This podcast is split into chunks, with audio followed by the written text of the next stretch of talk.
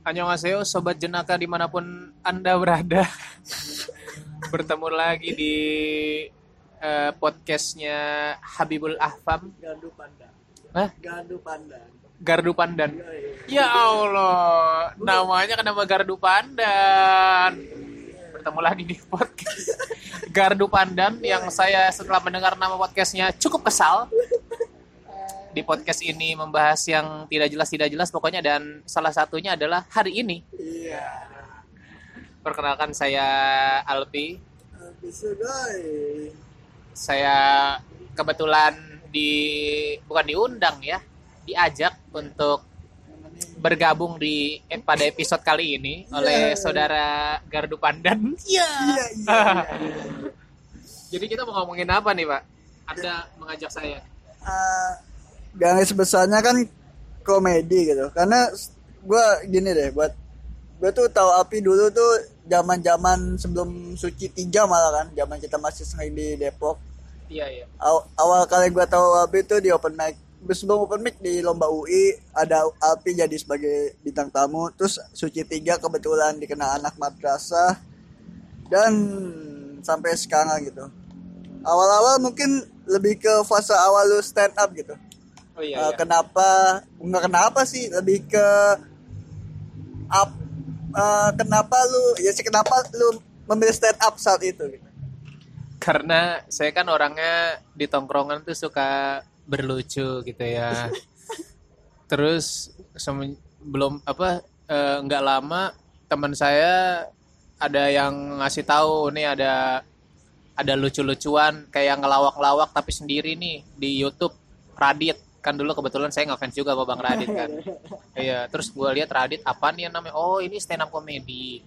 Kayak semacam ngelawak tapi cuman sendiri. Biasanya kan ngelawak kan ada tektokannya kan. Saya nonton lah. Akhirnya pas ditonton kok cukup lucu gitu.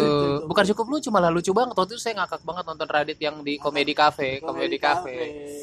Hmm, setelah itu saya nonton video Panji juga. Panji. dan respon saya masih lucuan Radit. Pada saat itu. Pada saat itu. pada saat itu waktu belum kenal Panji. Waktu belum kenal Panji. Wah sekarang lucu banget Panji. Karena sudah kenal. karena sudah jadi opener saya. Saya sudah jadi opener dia. Jadi lucu sekali. Bang Panji I love you. Lu kapan jadi openernya ada? Gue nggak tahu yang itu tuh. jadi dulu abis suci tiga itu Bang Panji itu ngadain tur Mesake Bangsaku Oh, kalau iya. kalau lu inget nah itu saya jadi opener di Surabaya Oh, Surabaya. Jadi total pada saat tur Mesake Bangsaku itu gue total udah mendengar materi dia itu empat kali. Empat kali. Empat kali. Pada saat dia open mic, terus pada saat di Depok, Oh, Depok yang di DTC kok nggak salah. iya di Surabaya pas saya jadi opener Ya, dan juga pada saat di final. final. Jadi empat kali saya Empat dengar. Udah hafal ya? Sampai udah hafal.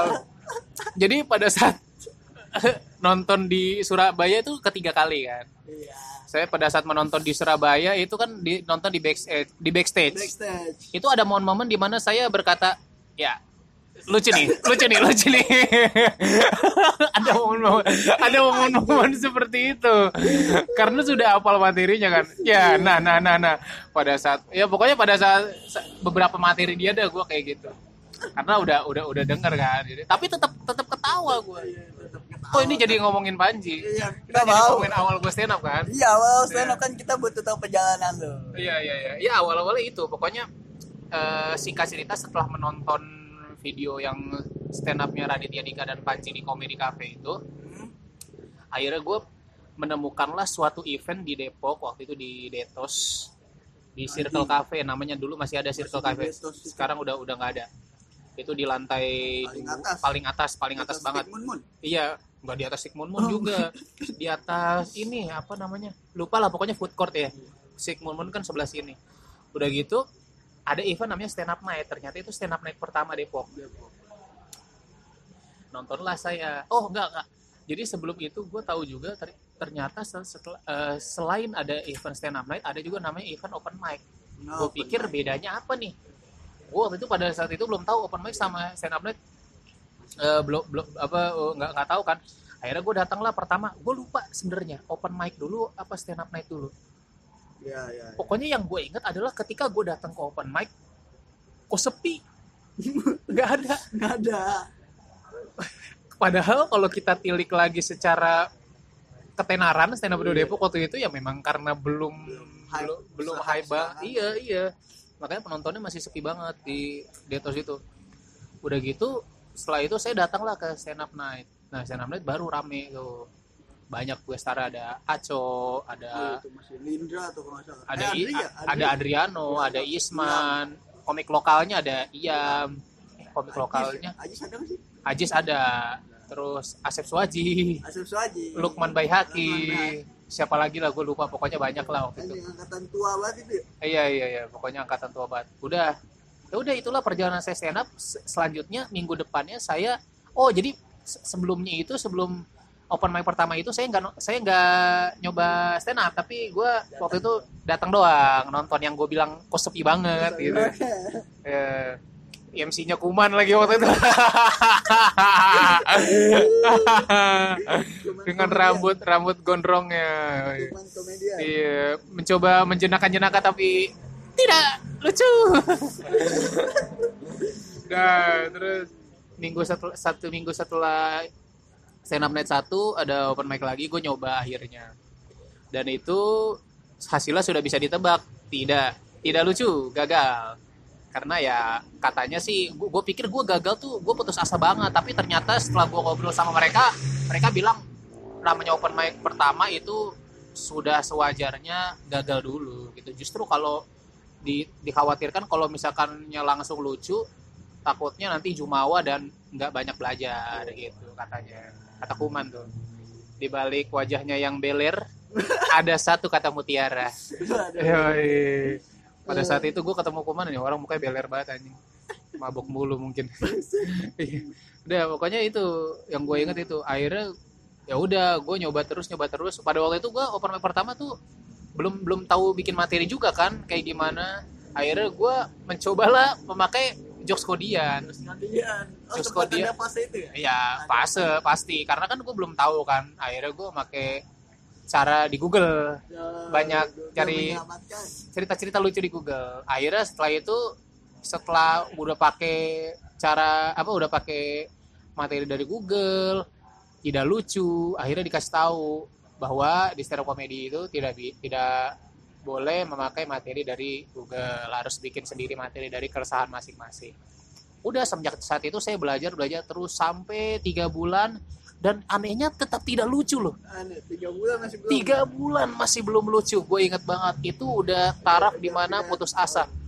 Semua teman-teman seangkatan gue udah pada lucu. Ada eh, Harry Hore Coki Keling. Keling tuh sebenarnya senior gue jadi dia tuh dulu tuh sebelum di Detos Open Mic Depok itu justru pertama kali itu di Coffee Toffee UI Covid itu. Oh iya tahu gua. Nah, keling sudah ada dari situ.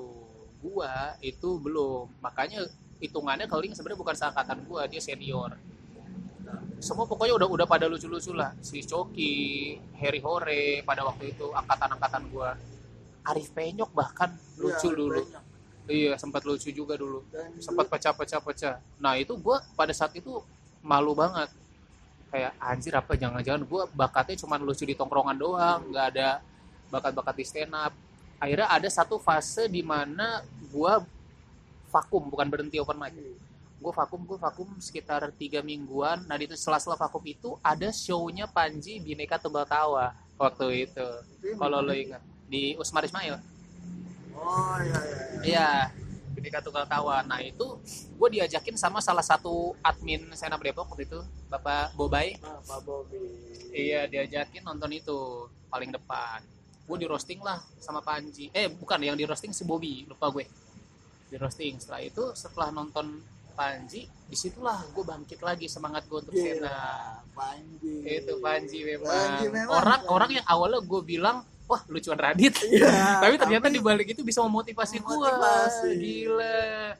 Gila gila keren keren menurut gue. Soalnya kalau pakai stand up ngadit terlalu tinggi. Iya, lucunya. stand kok gila. Enggak, enggak Eh, gitu. Enggak enggak juga, gitu. enggak gitu.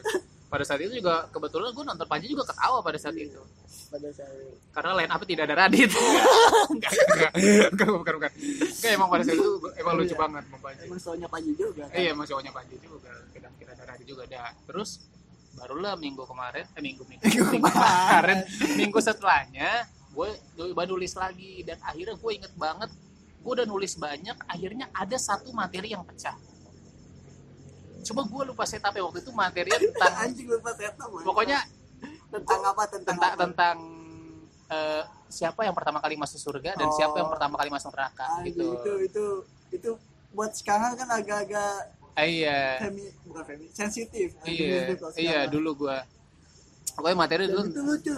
Itu lucu. Iya iya itu satu gue penyiapin materi banyak nih selain itu. Yang lucu itu doang. Anjing, tapi habis gue itu. tapi gue tapi gue senang ba senang Senang- banget. senang banget. senang banget. Pecah satu itu gue senang banget. Kayak anjir gue satu step lebih satu step ke depan nih. Maksudnya satu step lebih lebih tinggi daripada sebelumnya lah. Maksudnya paling enggak gue udah berhasil. Udah naik level iya udah naik level udah naik level nih. Udah semenjak saat itu gue ngalir-ngalir terus asa-asa terus ikut-ikut sharing komik sharing komik terus di warung pasta semua. Waktu kita kita kan ngumpulnya di warung pasta tuh udah. Yang sampai yang jajannya teh di ngefil iya sampai akhirnya nerima job pertama di Margo dibayar 200 ribu. Ingat banget gue itu gue udah seneng banget dulu. Sama siapa tuh yang di Black Maheri kalau nggak salah dan lain-lain. Marispo kalau salah pokoknya job-job liar lah dulu penonton penonton sepak bola. Nonton sepak bola terus penonton Friday Jazz kayak gitu gitu eh, itu itu gue udah pernah ngerasain tuh gila sih itu parah parah banget parah. Udah semenjak saat itu udah ngalir-ngalir terus sampai akhirnya lucu tiga suci tiga. Itu berarti berapa tahun sih dari awal lu yang di Betos itu? Dua dua. Dua tahun? Dua tahun dua tahun. Jadi 2013 kan ikut suci tiga. Dan lu keputusan lu ngambil pesona Madengasa itu berdasarkan kesadaran apa? Kayaknya gua enggak karena gue pada saat itu adalah ma- ma- materi apa nih yang bisa gue kulik? Karena gue dulu, dulu kan ada sebenarnya kalau di secara teknik bukan secara pengambilan apa teknik menulis materi kan ada namanya tiga mantra. Pada saat itu gue belum tahu itu. Yang gue tahu adalah gimana caranya gue bikin materi dengan yang ada di gue oh, iya. dengan yang gue ngerti dengan yang gue paham gitu. Kalau bahasanya adit tempel di lu lah. Eh, iya padahal gue belum tahu teknik tiga mantra itu. Ya udah akhirnya gue bahas apa ya? Gue kan anak madrasah. Udah gue bahas aja anak madrasah kayak gitu. Tanpa tahu teknik tiga mantra tiga mantra itu. Dan ternyata setelah masuk suci gue baru tahu ada teknik itu. Dan selama ini gue tanpa sadar udah menggunakannya gitu jadi lu dari flow tahu-tahu oh ternyata ini sih gua pakai. Iya gitu. Tapi pada saat itu juga gue belum nemu tiga baru nemu dua doang. Anak madrasah sama eh, anak tunggal. Tunggal, ya. udah. Dan yang mengagetkannya adalah lu bisa masuk empat besar kok nggak salah itu banyak yang nggak menyangka gue sampai empat besar. Orang-orang pada nyangkanya tuh gue gue sendiri pun pada saat masuk suci tiga gue merasa nih gue 10 besar aja tuh udah udah udah udah gila lah udah udah keren banget menurut gue bisa 10 besar Ya. bahkan sebelum itu gue golden ticket aja gue itu nggak menyangka sama sekali Iya, gua- bener. jadi yang di balik audisi lu lucu tuh Nah, jadi audisi itu juga bahkan pada saat audisi Suci 3 pun gua nggak bermaksud ikut audisi. Jadi ceritanya adalah orang-orang anjing. Jadi gua kan sebelum audisi Suci 3 tuh gua sebelumnya udah taping Metro TV Battle of Comic tuh. Iya. Gua Jumawa. Ah udahlah karir gua di Metro.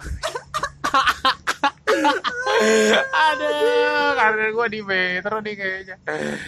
Akhir udah udah saya itu orang-orang anak-anak Depok semua pada berangkat tuh Viko, Iam kayak gitu-gitu, Rispo pada berangkat audisi Suci 3, Ervan gitu-gitulah Atrahus.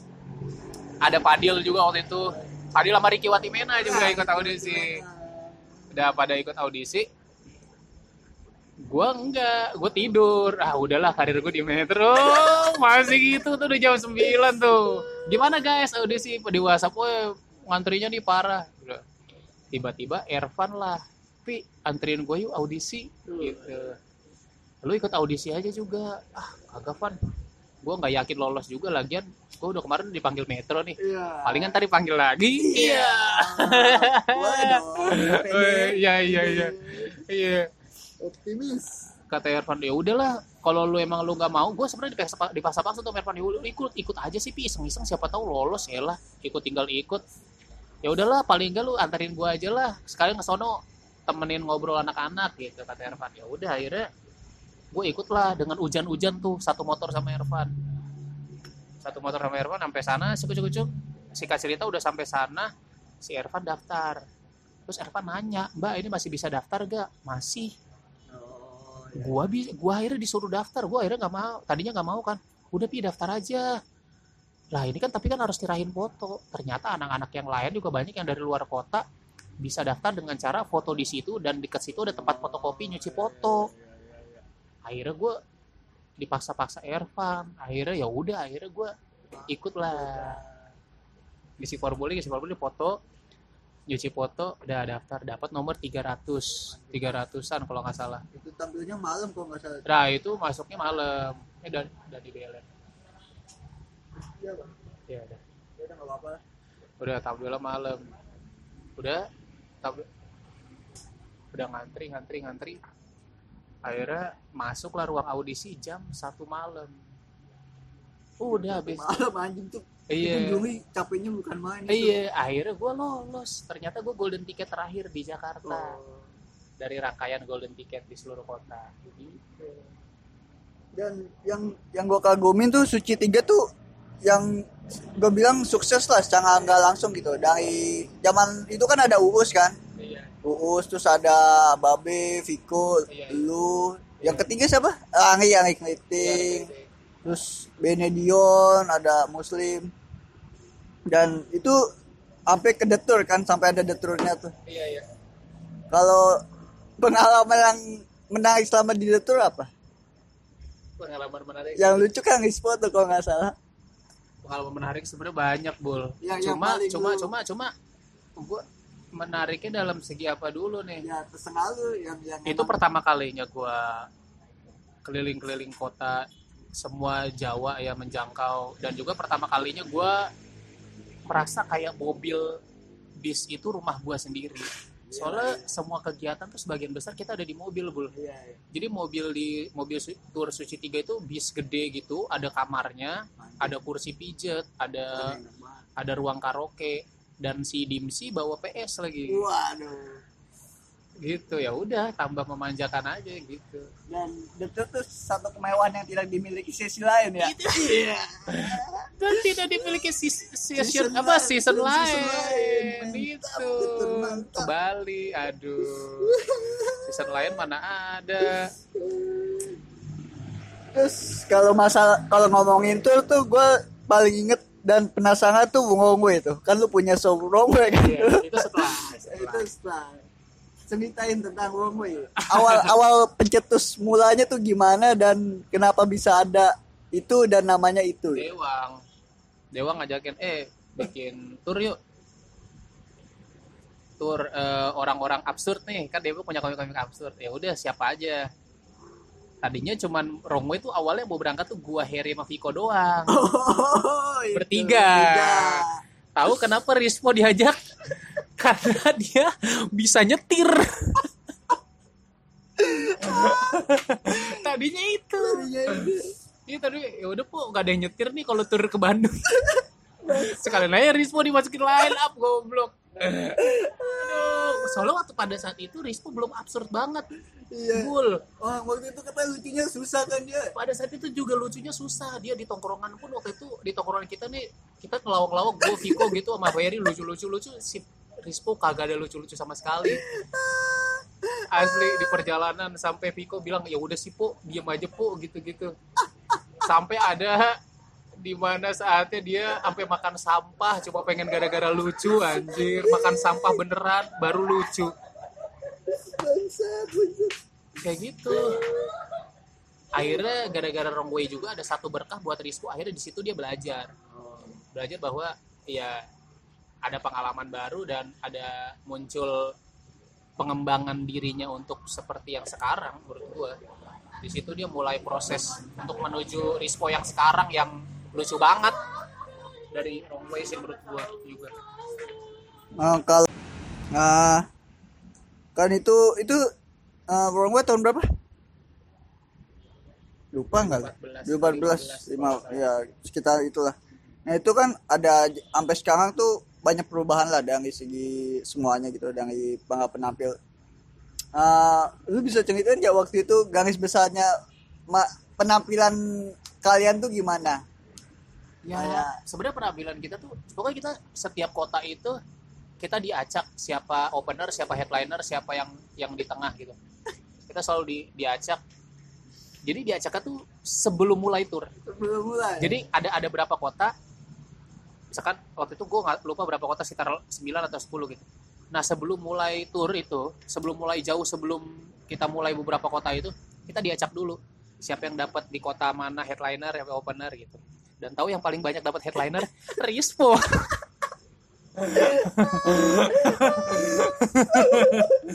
kocak kocak banget itu sampai ada kalanya dia minta tukeran sama Harry. Dibayar Harry buat tukeran.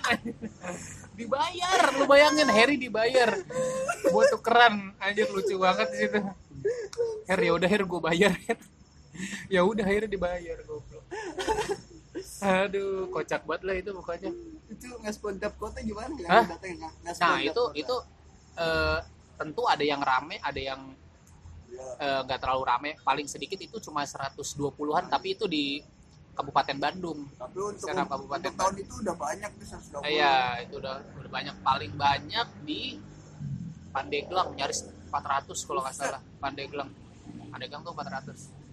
oh Banten ya? Pandeglang Banten. Iya, Pandeglang malah. Itu gua nggak nyangka loh 400 loh. iya. Dan itu di kayak sta- gor gitu di gor.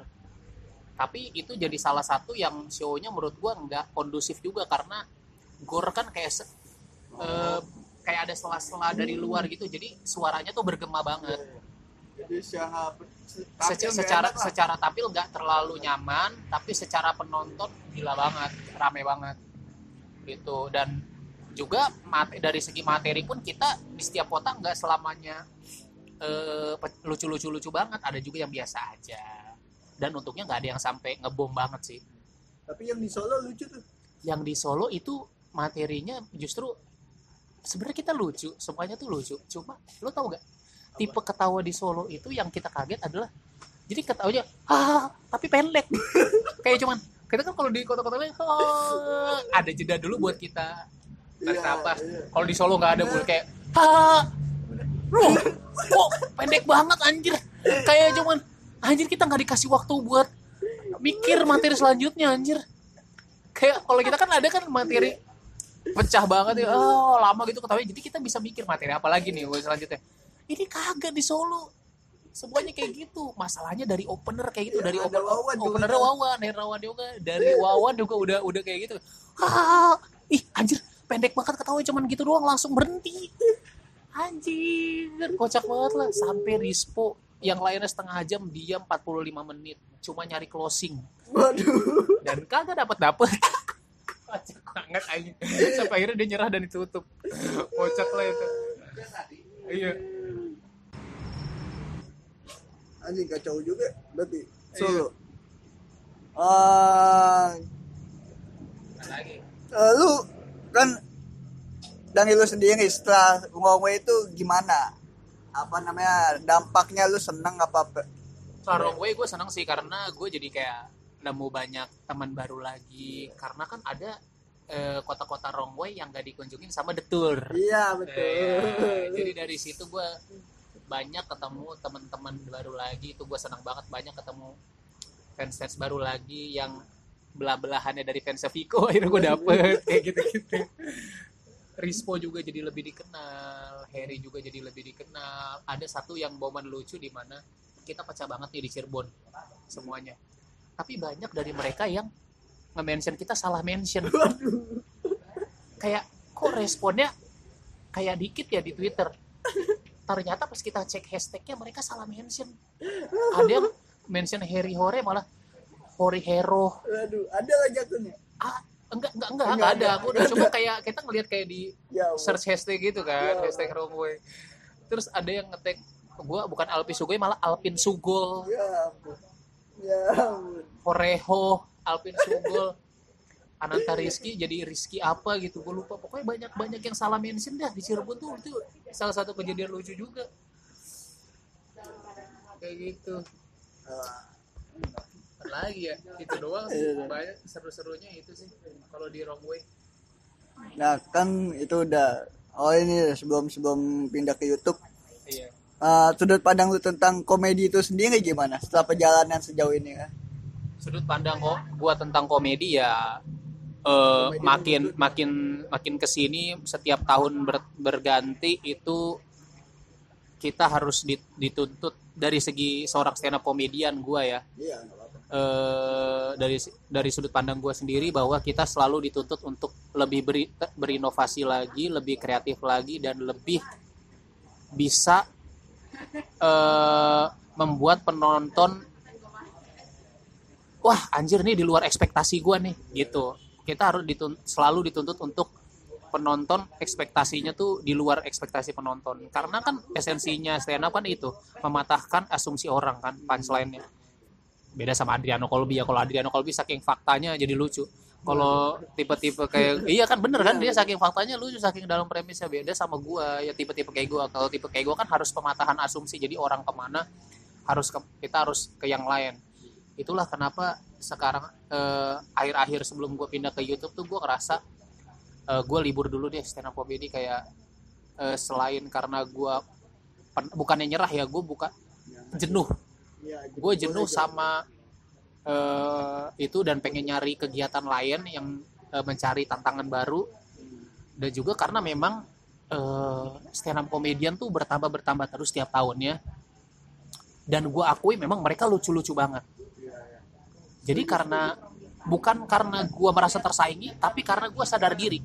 Ngerti gak? Gue bukan merasa tersaingi tapi gue sadar diri kayak wah eh, yang lain lebih lucu-lucu banget deh ya udah gue sadar diri karena gue juga emang lagi susah nyari materi makanya gue mencoba cari kegiatan baru di luar stand up comedy kayak gitu itulah kenapa akhirnya gue pindah ke YouTube itu sudut pandang gue itu tadi udah gue jelasin Iya, iya. Dan alhamdulillah YouTube juga nggak jelek-jelek amat lah. oh YouTube malah alhamdulillah banget Iya. Itu alhamdulillah banget. Sebenarnya gue ngerasa YouTube tuh tempat stuck, stuck juga tadinya. Tapi karena karena entah kenapa karena gue ikut suatu kompetisi di Korea kemarin Oh iya. Yang Itu lom- titik baliknya mungkin. lomba itu itu titik baliknya sih titik balik kesuksesan gue di YouTube tuh dari itu sekarang maksudnya gue belum sukses, sukses banget kayak Ria Ricis gitu gitu Iya, ya maksud gue seenggaknya untuk konten K-pop gue bisa bilang gue salah satu ter- termasuk yang eh, diperhitungkan lah. di- iya iya diperhitungkan lah. Iya betul.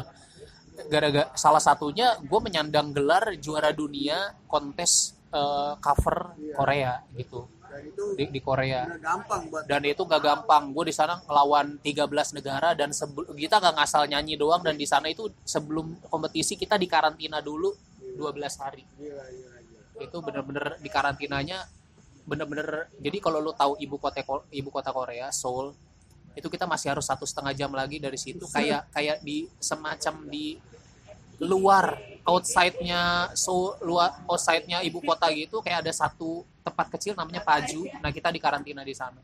Bener-bener di di komplek gede gitu dan kita cuman ada minimarket satu sama restoran burger. Udah nggak nggak boleh keluar-luar selama 12 hari. Kayak wajib militer cuman nih buat nyanyi gitu. betul. Iya seperti kayak gitu. gitu. Iya iya. Nah itu pulang dari sana itu titik balik gua. Karena mungkin selain karena kompetisinya bergengsi juga akun-akun berita di Instagram di Instagram kan ada portal-portal berita K-pop Iya, gitu betul. berita Korea Korea gitu itu semuanya pada beritain gua Sama si siapa ya? Tandem lu? Tiffany Ah, Tiffany. makanya selain itu juga sampai waktu itu gua masuk Line Today juga Gue kenapa gue bisa ceritain gue gue ceritain kenapa gue bisa masuk Line Today awalnya tuh gue nggak nggak nggak- nggak kayaknya sih nggak bakal ditulis sama Line Today juga tapi gue di sana ketemu kedubes Indonesia Oh, dubes Indonesia yang tinggal iya maksudnya eh, kedutaan besar Indonesia yang di Korea. pada saat itu sekarang udah ganti orangnya. Ah gue inget banget mereka ngewawancara gue pas lagi pagi di hotel sama Tiffany. Dan setelah itu kayaknya mereka langsung hubungin kayak media di Indonesia gitu. Akhirnya beberapa hari setelah itu gue masuk Line Today. Dan beritanya itu hasil wawancaranya sama sama yang diwawancarain sama kedubes gue jelas gue tahu itu beritanya berarti dari mana sumbernya Iya. Gila. Mengharumkan nama bangsa. iya alhamdulillah lah paling enggak selain bisa eksis di selain di stand up juga bisa berprestasi gitu bukan eksis doang kalau eksis doang kan ya kalau ber- berprestasi juga sembari lah nyambi Mungkin lu menang karena nyanyinya kasih punchline. gimana Ya, nggak dikasih punchline gimana Tapi enggak, gue tuh seneng seneng tuh pas liat lu comeback stand up tuh pas di panggung Sun berapa sih? Yang lu balik lagi stand up tuh? Sun 6 nah itu lu udah beda banget nggak nggak absurd absurdnya nggak absurdnya iya cuman nggak patah banget Iya, gitu. Iya, itu itu gue seneng banget. Iya, iya. nah itu itu lu memutuskan untuk kayak gitu gimana? Materi yang kayak gitu gimana tuh? Ya, memutuskan. udah udah mulai meng memposisikan diri gue kayak bukan saatnya lagi lah. Gue yang absurd sudah dulu. Lagian sekarang tipe materi yang kayak gue yang dulu yang sekarang orang komik-komik sekarang itu udah banyak banget. Gue mencoba untuk pendewasaan diri lah.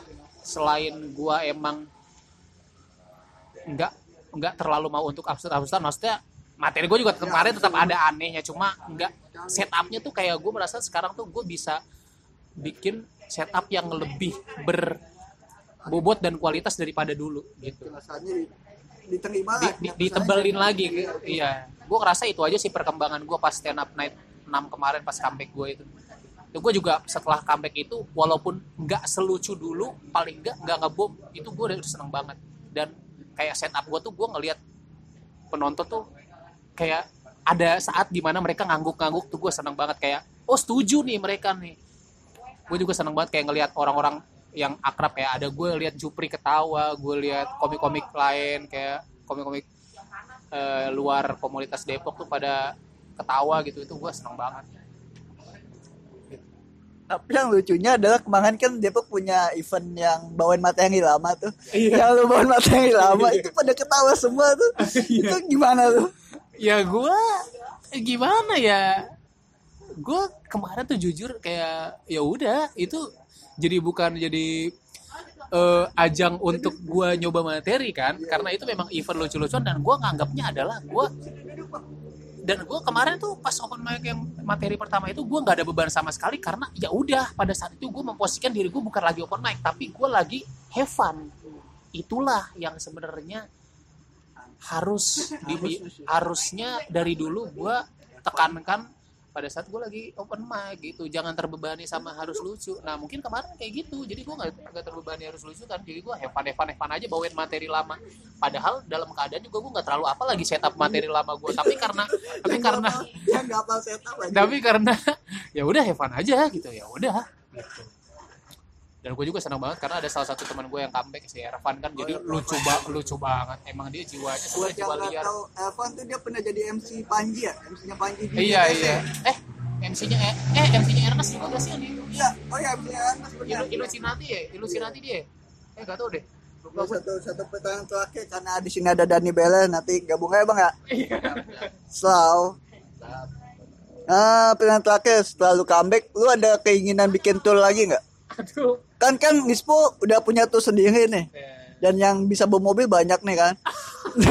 juga sekarang udah bisa bawa mobil iya. dulu Eh, terus udah pada maju di bidangnya masing-masing. Ingin mengcomebackkan Wrong Way itu lagi nggak dari dasar hati lu ya? kalau comeback eh, kayak tour wrong way gitu sebenarnya Dewang udah na- udah sempat nawarin kalau sekarang sih nggak kayak dulu ya mungkin kalau sekarang udah udah jelas Dewang eh, ngajakin gue karena memang gue punya pasar punya pasar K-pop. di kota-kota. Jadi dia ngajakin gue lagi ayo Pi lu kan udah banyak lagi nih masanya kayak dulu. Emang anjing Dewang Tapi gitu sih. iya iya nggak apa-apa. Ya itu bisnis gitu ya. Bisnis is bisnis Ya, terus tapi dari lubuk hati gue sebenarnya pengen juga. Cuma gue merasa gue belum pantas lagi karena gue belum punya materi yang sekuat dulu lagi gitu. Oh, jadi ya kalaupun ingin juga masih jauh dari kata siap karena pada saat ini kan gue lagi kayak sibuk persiapan mau skripsi juga. Terus gue lagi bagi waktu buat ngetik skripsi sama bikin video. Itu bukan sesuatu yang mudah juga. Dan bahkan gue sekarang lagi dikejar-kejar editor kan. Gue kan Oh, eh, bikin ditawarin buku ya? bikin buku dari Gagas Media kan. Itu itu gue lagi dikejar-kejar editor juga ya. Gue sekarang membagi waktu tiga itu juga menurut gue sulit banget bul karena lu tau lah lu lu sering nginep di rumah gue dan gue tuh orangnya mageran gitu. Jadi ya gue itu bagi tiga itu ya susah gimana gue harus bikin bagi waktu lagi bilah waktu lagi buat bikin materi stand up gitu paling kayak sharing gitu sekali-kali sharingin anak-anak Depok itu gue masih suka. Karena kalau sharing kan gue jadi nggak terbebani untuk bikin materi buat gue sendiri kan. Gue kayak tinggal nimpalin nimpalin gitu. Tapi kalau untuk bikin materi sendiri sih belum. Belum. Itu aja sih. Kayak udah aja. cukup Nah. berfaedah ya Tidak- Cukup faedah emang nggak usah lama-lama. Iya, iya.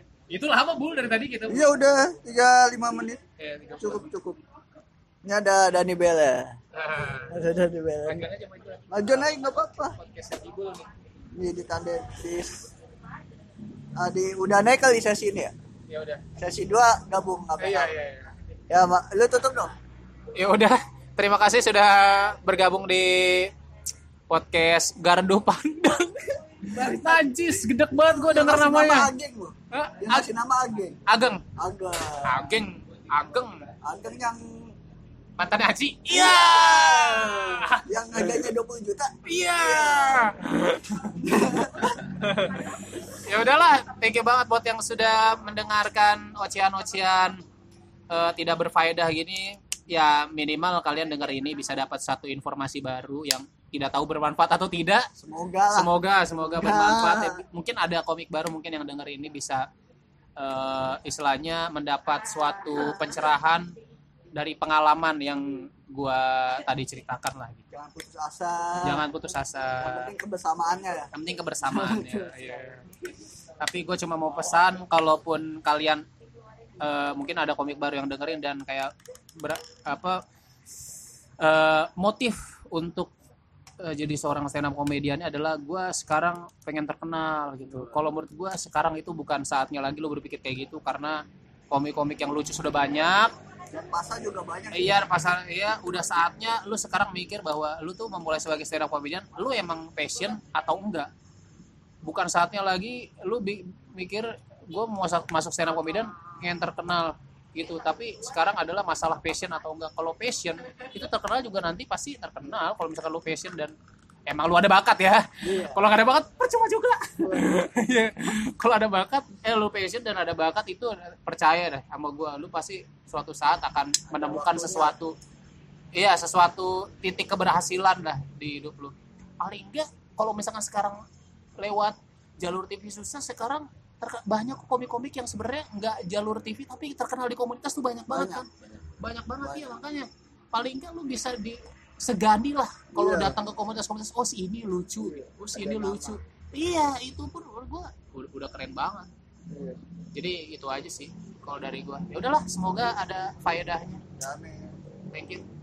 Oke.